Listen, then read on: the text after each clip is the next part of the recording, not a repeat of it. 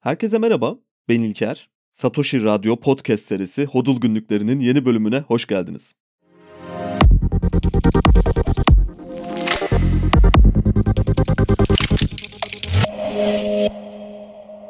Yaklaşık 5-6 aydır gündemimizde olan Arjantin seçimleri yakın bir zamanda sonuçlandı ve Javier Milei yeni başkan olarak seçildi. Aslında uzun bir süredir, belki birkaç yıldır devam eden bir ihtimaldi bu. Ve seçim kampanyası yıllardır sürüyor fakat özellikle son aylarda dikkatimizi daha çok çekmeye başladı bu ihtimal. Uzaktan görebildiğimiz kadarıyla gerçekleşmesi çok yakınlaşan bir ihtimale dönüşmeye başlamıştı yakın bir zamanda. Ve hepimiz bu konuda ciddi bir heyecan içindeydik. Tabii en azından büyük bir çoğunluk için söyleyebiliriz bunu sanırım. Bir kısım sadece meraktan, bir kısımsa böyle kaosa yakın durumları sevdiğinden ve yine başka bir kesim acaba bu kişi gerçekten de söylediklerini yapabilir mi düşüncesiyle bu seçimlere odaklanmıştı.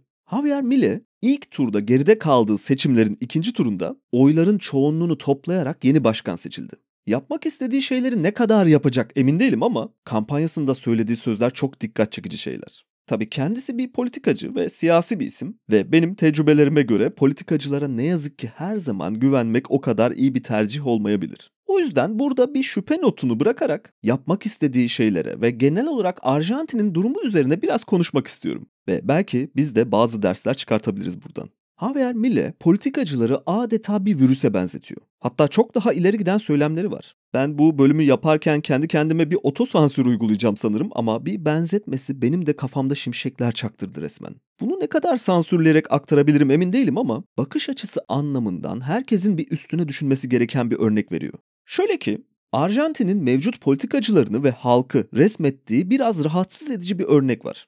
Ülkesindeki otoriteyi elinde bulunduran grubu özellikle de politikacıları pedofillere benzetiyor ve bunun karşılığı olarak halkı da bir parktaki çocuklar olarak anlatıyor. Bu parkın kapıları kilitli ve kilitler de otoritenin elinde. Buradaki duruma dur diyecek hiç kimse yok. Ve insanlar, çocuklar olarak gösterdiği halk kapana kısılmış durumda pedofillerin elinde.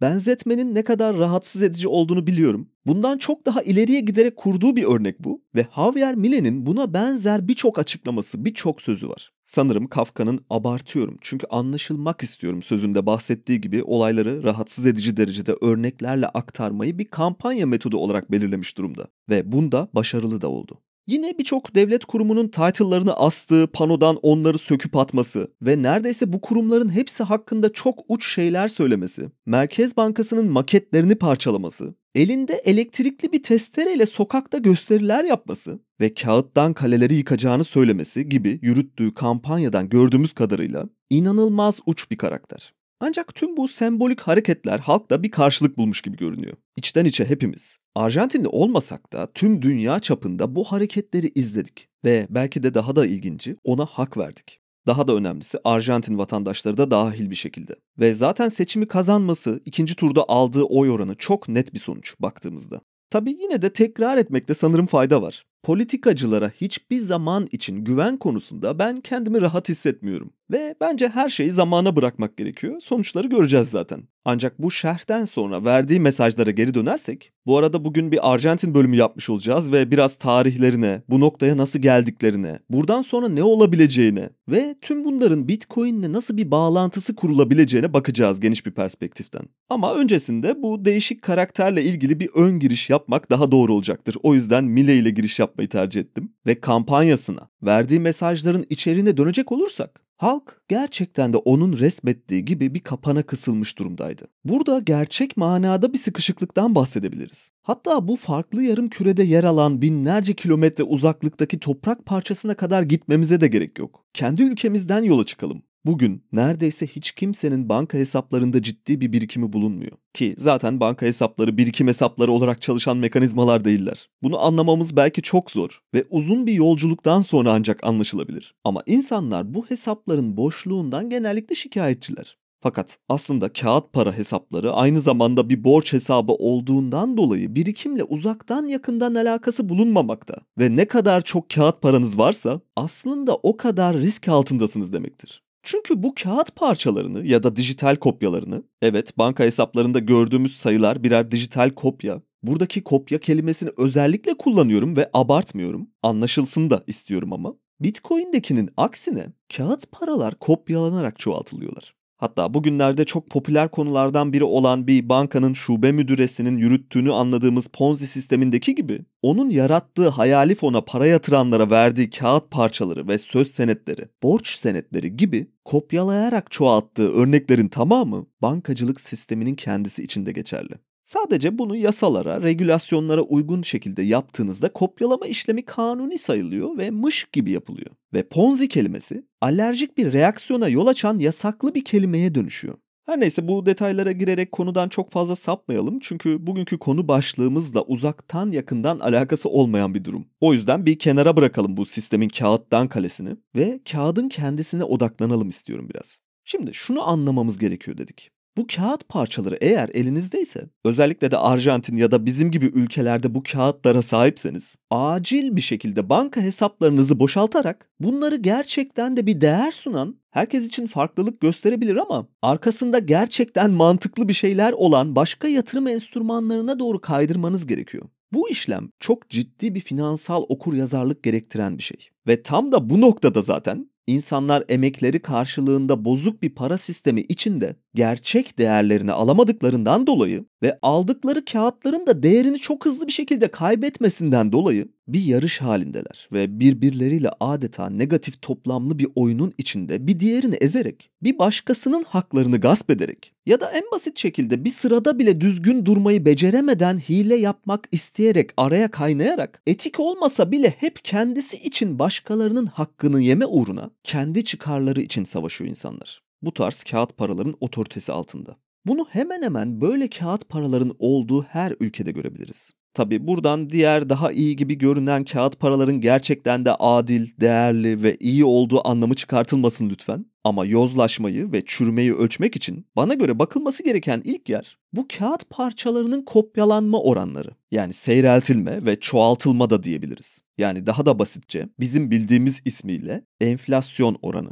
İşte Javier Miller'in o rahatsız edici örneğindeki çocuk parkını böyle derin anlamda düşündüğümüzde durumun gerçekten de o örnektekinden çok farklı olmadığını görebiliyorsunuz. Ve bu çok rahatsız edici bir gerçek. Bu kapana kısılmışlık içinde insanlar ülke bile değiştiremiyorlar. İnanılmaz bir dünyada yaşıyoruz. Zayıf para birimlerinin altında yaşayan vatandaşlar tamamen sınırlı bir alana kilitlenmiş durumdalar pasaport güçleriyle ve vize uygulamalarıyla zaten belirli bir sınırlılık hakim. Ancak bundan daha da kötüsü eğer bir Arjantinli artık tüm bu hiperenflasyon sarmalından kurtulmak istese, ülkeyi terk etmek istese ve daha gelişmiş bir yere taşınmak istese bunu yapması neredeyse mümkün değil. Çünkü ülke sınırlarını terk ettikleri anda kullandıkları kağıt paralar geçersiz olacak ve ekonomisi daha güçlü bir ülkeye geçiş yapmak istediklerinde yüksek ihtimalle emekleri, enerjileri ve bunların bir karşılığı olarak kazandıkları para birimi onlarca kat değer kaybetmiş olacak. Başka bir yerde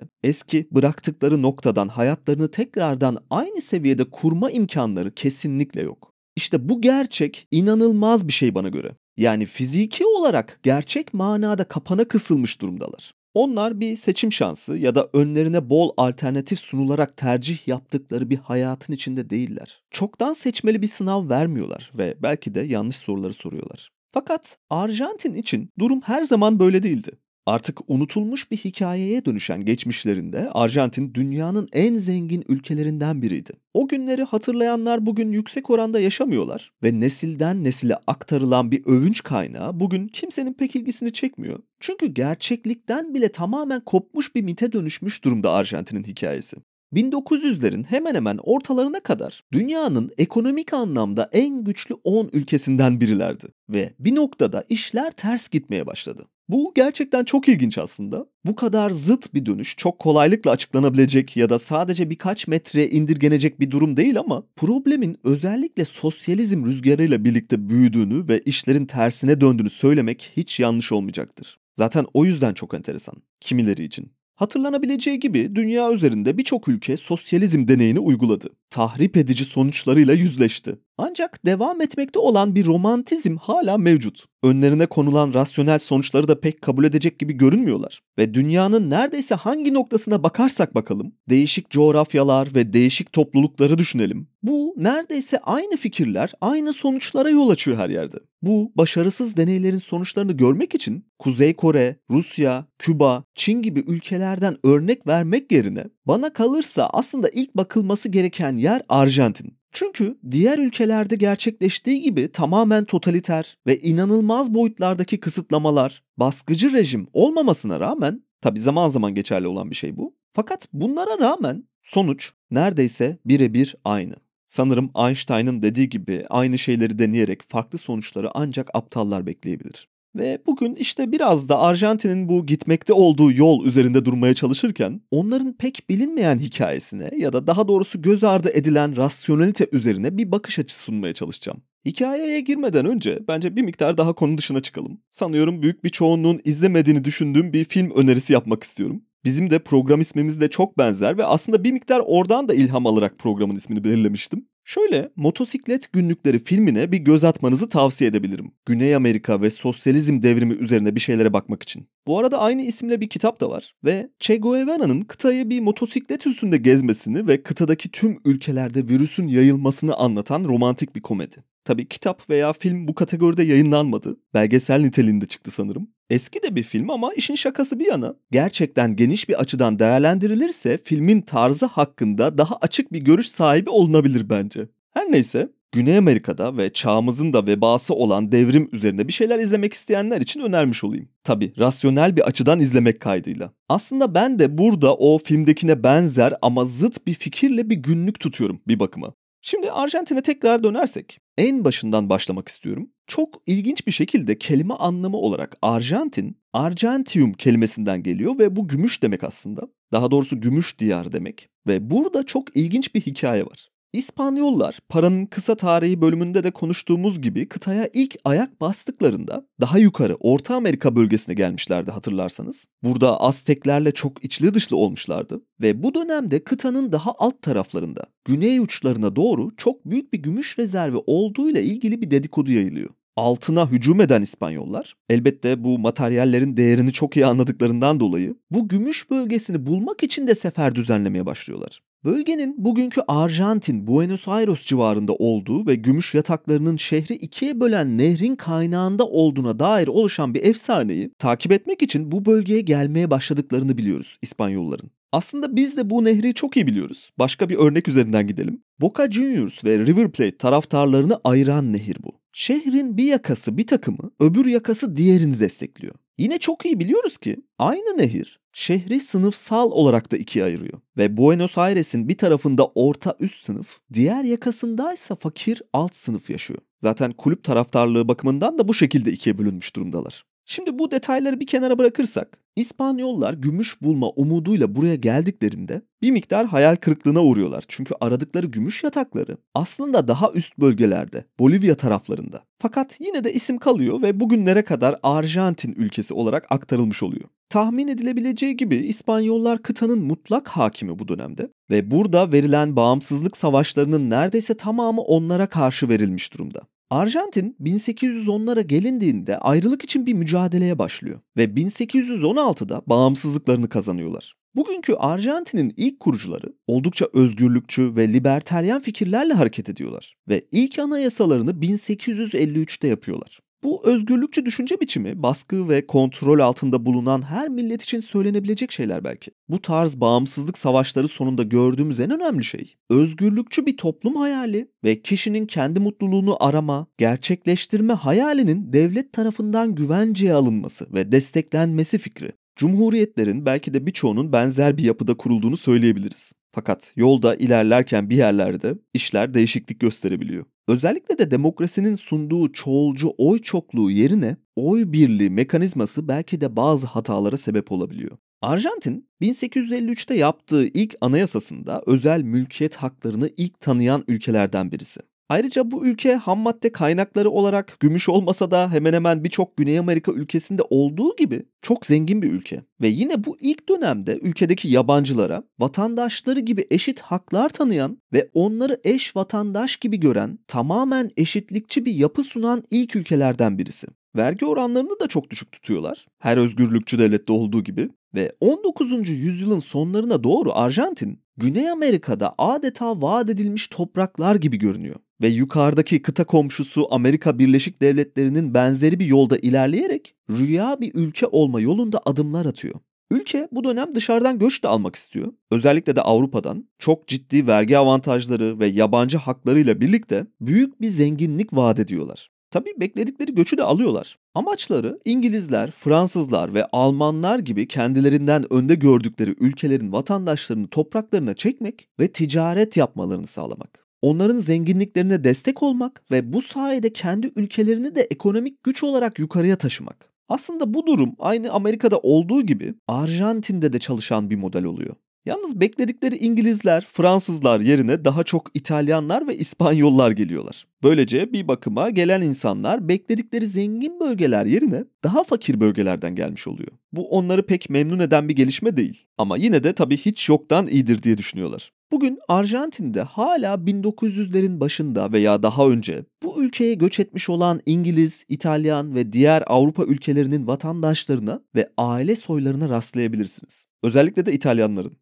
Fakat iyi beklentilere rağmen daha düşük şekilde gerçekleşen yabancı akımı yine de ülkenin gelişimi ve büyümesi adına önemli bir katkı yapıyor. Tabi elbette özgürlükçü düşüncenin ve serbest piyasa ekonomisinin etkisiyle birlikte. Yıllık GDP büyümelerinde ciddi bir katkısı oluyor bu göçlerin ve 1910'lara gelindiğinde Arjantin dünyanın en zengin ve refah seviyesi en yüksek ülkelerinden birine dönüşüyor. Güney Amerika'nın parlayan incisi o dönem için Arjantin kişi başına düşen milli gelir oranı olarak dünyanın en zengin ilk 7-8 ülkesinden biri oluyorlar. İşte bu kısımlar bence Arjantin tarihi olarak okunduğunda şu andaki bulundukları durum ile kıyaslandığında inanılmaz bir şeyler olmuş olması lazım bu ülkede dememiz gerekiyor. Zaten o yüzden şu andaki durumları ve tekrardan eski günlere dönüş yönünde Javier Milei'nin söylemleri çok dikkat çekici oldu. Ve neredeyse unutulmuş bir hikayeye dönüşen bu Arjantin masalı, insanların birbirine hikaye gibi anlattığı eski zamanlara dönüş hikayesi, herkesin tanıdık olduğu ama tatmadığı bir umut ışığı olarak ülkede ciddi bir siyasi değişime sebep oldu bugünlerde.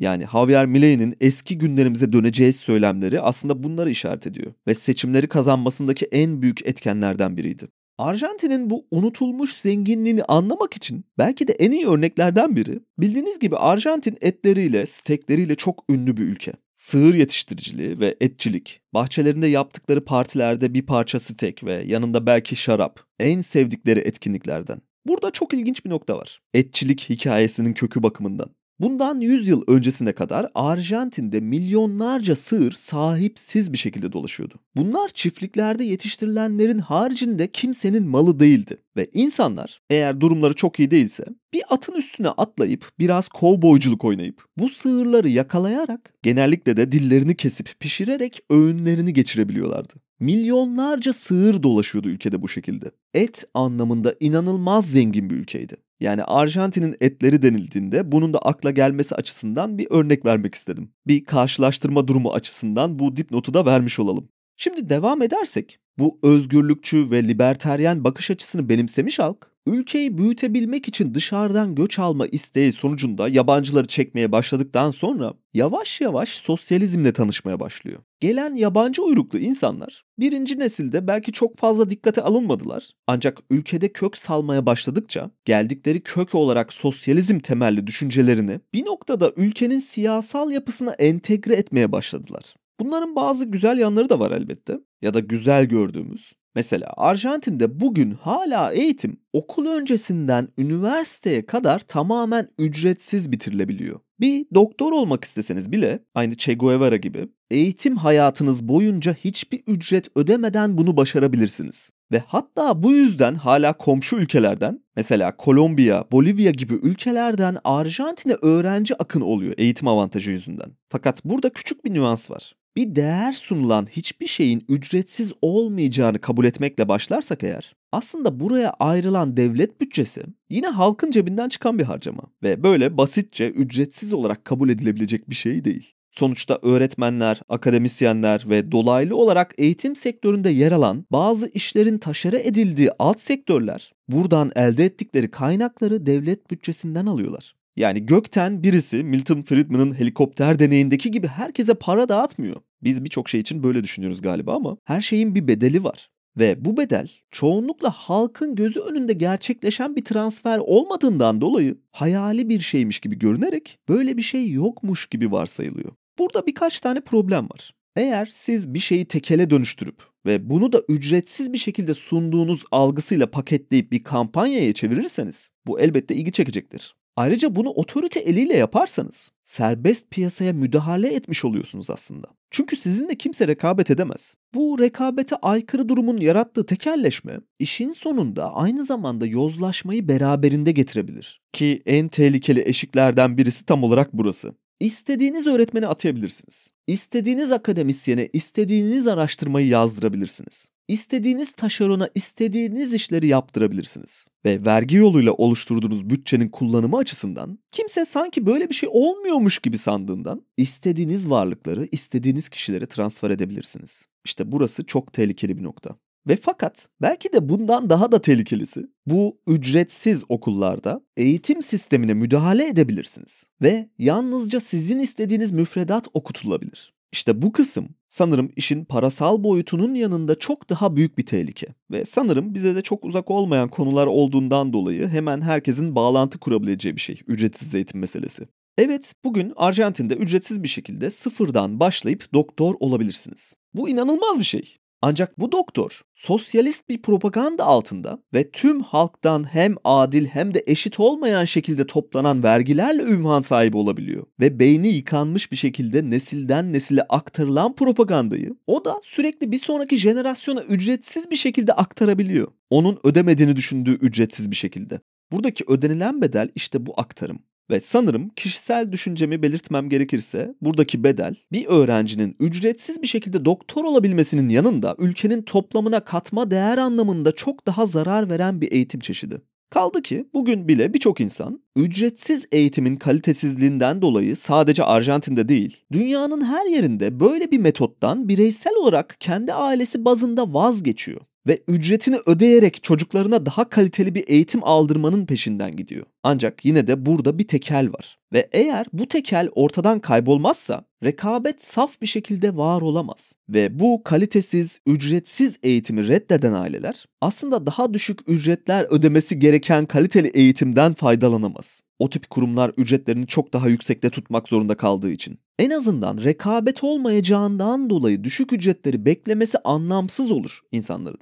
Javier Milei bu durumla ilgili şöyle bir şey söylüyor. Eğer daha çok para basmak fakirliği bitirebilseydi, aynı mantık içinde daha çok diploma basmak da aptallığı önleyebilirdi. Sanırım bu söz yeterince açıklayıcı olmuştur. Fakat bu detaylarda kaybolmayalım. İşte Arjantin bu küçük dönüşümüyle birlikte adeta bir domino efekti gibi bugün bulunduğu konuma her neslin sonunda biraz daha yaklaştı ve kendi sonlarının başlangıcını çok naif fikirlerle oluşturdular. Bu fikirlerin temellerini böyle 100 yıllık bir geçmişe kadar dayandırabiliriz gördüğünüz gibi.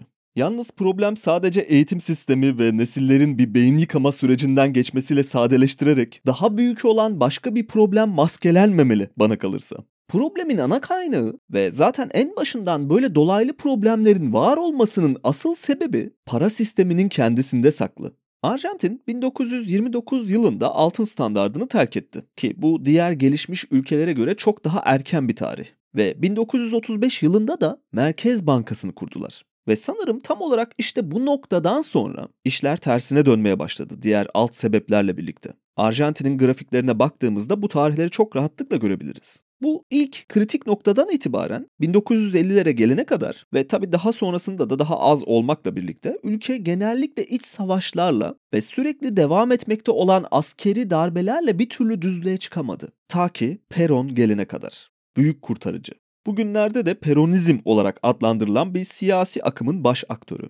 Juan Domingo Perón 1944'te savaş bakanı ve başkan yardımcısı olarak görev alırken ciddi bir dikkati üzerinde toplayan bir isim. Bu dönem yaptığı hareketlerle işçi sınıfının desteğini arkasına aldı ve askeri kanattan da gördüğü ilgiyle birlikte o dönemki liberallere karşı ciddi bir kampanya yürüterek komünizm ve kapitalizm arasında bir yere kendini konumlandırdığını söyleyerek hem halkçı hem devletçi bir orta yol çizerek birçok kanattan destek aldı ve başkanlık seçimlerini kazandı. İlk geldiği zamanlarda aynı bugünkü Afrika ülkelerinde olduğu gibi kaygan bir siyasi zeminde sabah erken kalkanın darbe yapabildiği bir ortamda başkanlığının ilk süreci çok sıkıntılı geçti. Hepimizin bugünlerde çok iyi bildiği eşi Eva Peron ve Don't Cry For Me Argentina kampanyası Peron ailesini çok ciddi şekilde halkçı bir çizgiye çektiğinden dolayı arkasındaki halk desteği hiçbir zaman eksik olmadı ve sanırım siyasi kariyerinde tutunmasının en büyük sebeplerinden birisi de bu olabilir. Peron aslında ilk döneminden sonra siyaseti bırakıp uzaklaşmak istiyor. Fakat eşi Evita Peron onu devam etmesi konusunda ikna ediyor. Evita çok fakir bir aileden gelen, halkla iç içe olan ve onları sürekli dinleyen, samimi ilişkiler kuran birisi. Evita bu arada İspanyolca küçük Eva demek, halkın ona taktığı bir lakap. Ve Arjantin'de birçok kişi için kırmızı çizgilerden birisi bugün hala. Yani Evita bir sembol aynı zamanda. Bugün bile mezarı her yıl binlerce kişi tarafından ziyaret ediliyor. O herkesin sıfırdan en tepeye bile çıkabileceğinin sembolü Arjantin'de. Halktan birisi. Ve aynı Amerikan rüyasında olduğu gibi Arjantin rüyasının temel karakteri. Fakat bu romantik ve duygusal tarafları bir kenara bırakırsak, Arjantin henüz altın standardından yeni çıkan bir ülke olarak Peron ilk geldiğinde kasası altın dolu olan ve dünya rezervinin tahmini %2, %3 gibi bir kısmını elinde bulunduran zengin bir ülkeyken tüm gidiş gelişler ve seçimler sonunda Peron dönemi bittiğinde kasasındaki altınların buhar olup uçtuğu ve karşılığında devlet borçlanmasının karşılanmayacak boyutlara kadar geldiği bir pozisyonda bu romantik Arjantin rüyası çok da iyi bir sonla bitmiyor aslında kişilerden çok biraz para birimlerine de bakmamız lazım. Ve buradaki olayı bence siyasi bir zeminde muğlak bir noktada bırakmamak için ve laf kalabalığı yaparak asıl önemli kısımları atlamamak için paranın kendisine odaklanmak sanırım daha iyi olacaktır. Çünkü parayı takip edersek ne olup bittiğini çok daha iyi görebiliriz ve belki bazı dersler çıkartabiliriz. Arjantin'in ilk resmi diyebileceğimiz para birimi aslında çok uzun ömürlü oluyor. Bir kağıt paradan beklenmeyecek kadar uzun neredeyse. 1881 ve 1970 yılları arasında Peso Nacional isimli bir para birimini kullanıyorlar. Ve bu para biriminin arkasında uzun bir süreliğine aslında altın standardı yer alıyor. Elbette diğer ülkelerdeki gibi ne zaman bir kriz olsa, iç karışıklık veya savaş haline girilse, altın standardı geçici önlem olarak söylenen bir şekilde terk ediliyor. Her devletin hikayesi çok benzer bu açıdan baktığımızda ve hatırlarsanız Merkez Bankası 1935'te kuruldu demiştik. Yine ilginçtir ki özgürlükler ve özel mülkiyet, vergilendirme avantajları ile çizilen Arjantin rüyasının ilginç bir dönüm noktası olarak Merkez Bankası ile birlikte Arjantin ilk defa 1935 yılında yasalaşan gelir vergisiyle tanışıyor. Böyle bir dönüşümün bu kurumla aynı tarihe denk gelmesi sanırım sadece büyük bir tesadüf.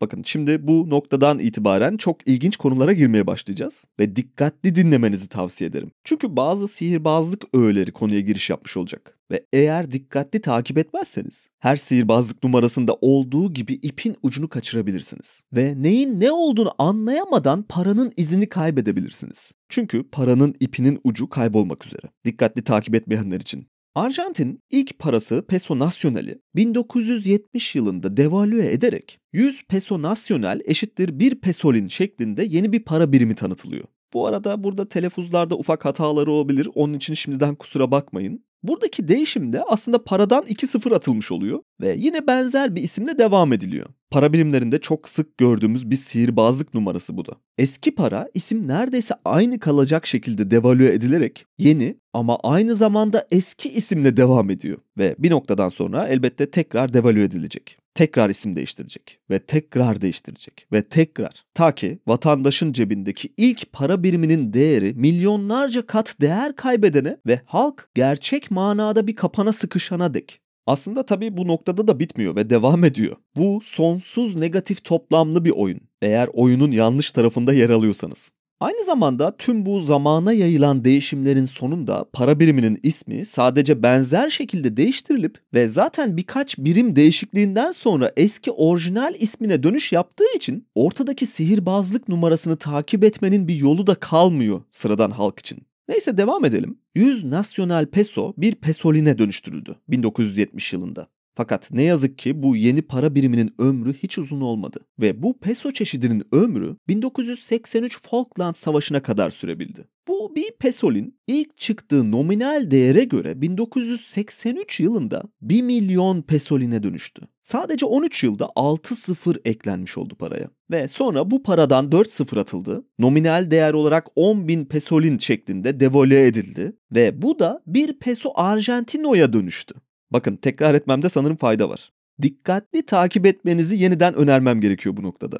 1983'teki yeni devalüasyondan sonra çok daha inanılmaz şeyler olmaya başladı. Bu yeni peso Argentino'nun ömrü sadece 2 yıl sürebildi ve 1985'e gelindiğinde nominal değerinin yanına 3 sıfır daha eklenmişti bile. Bir peso Argentino alım gücü olarak 2 yıl civarında 1000 peso Argentino'ya dönüştü.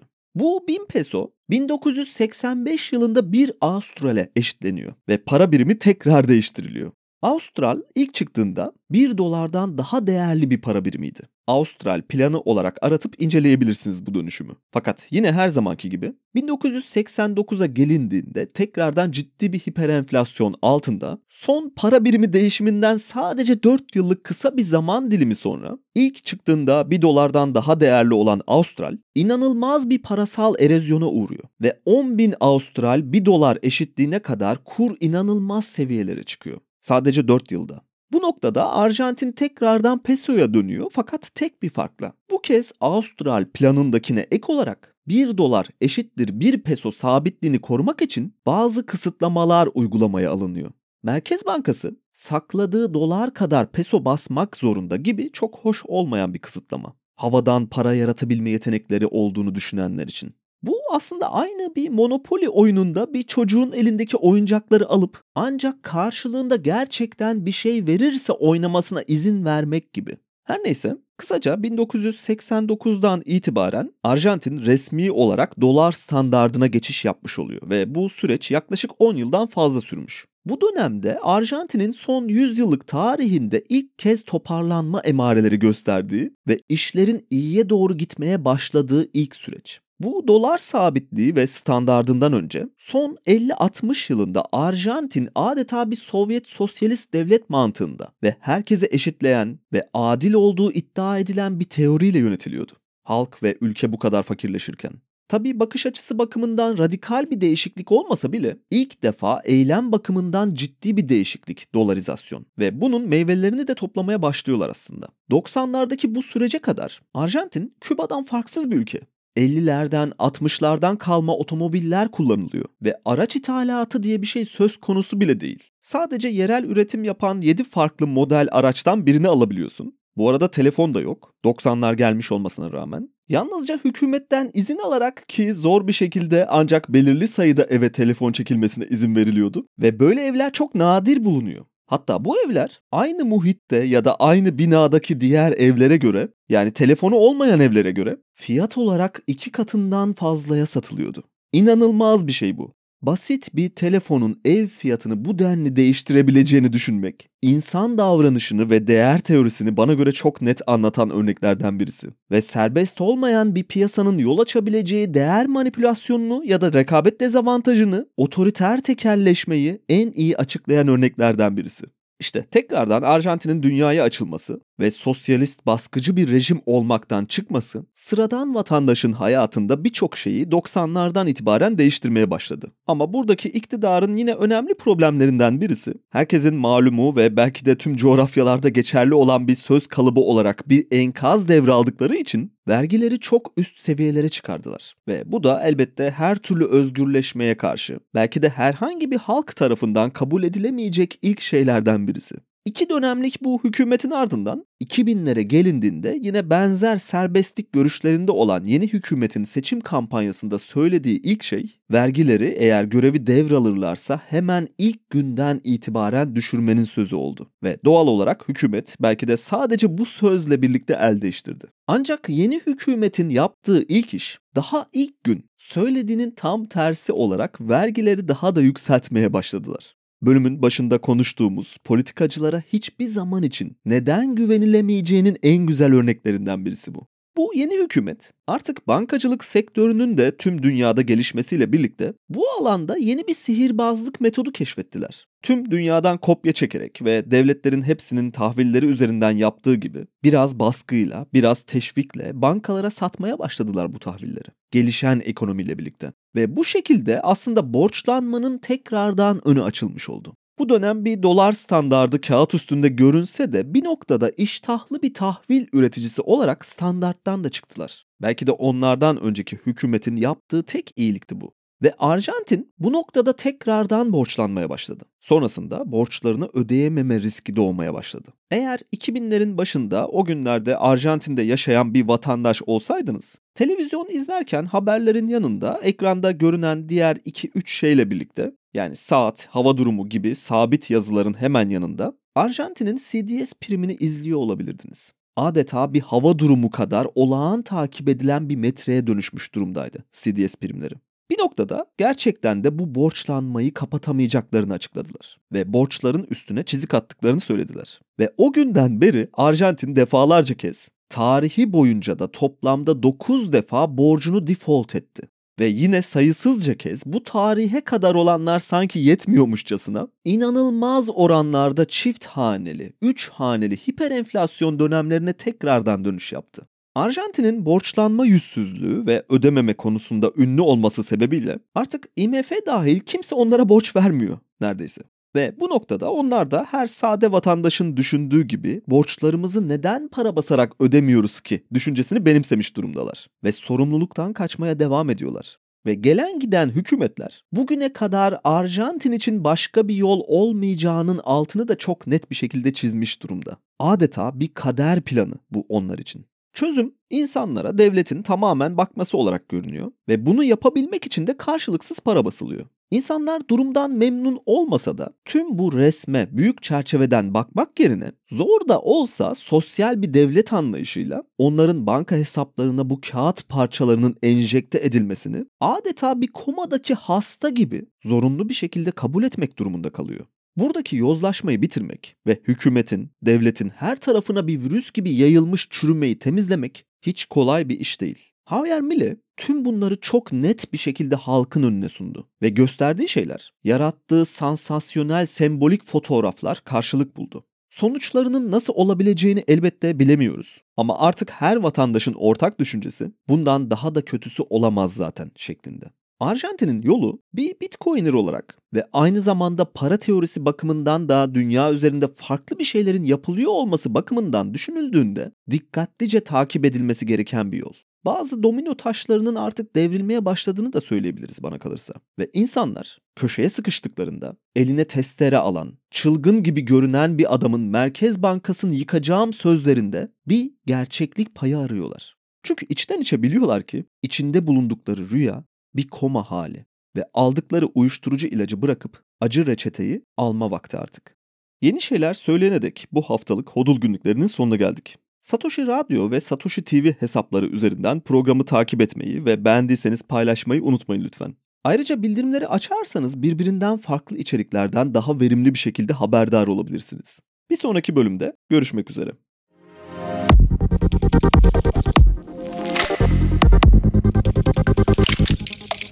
Amen.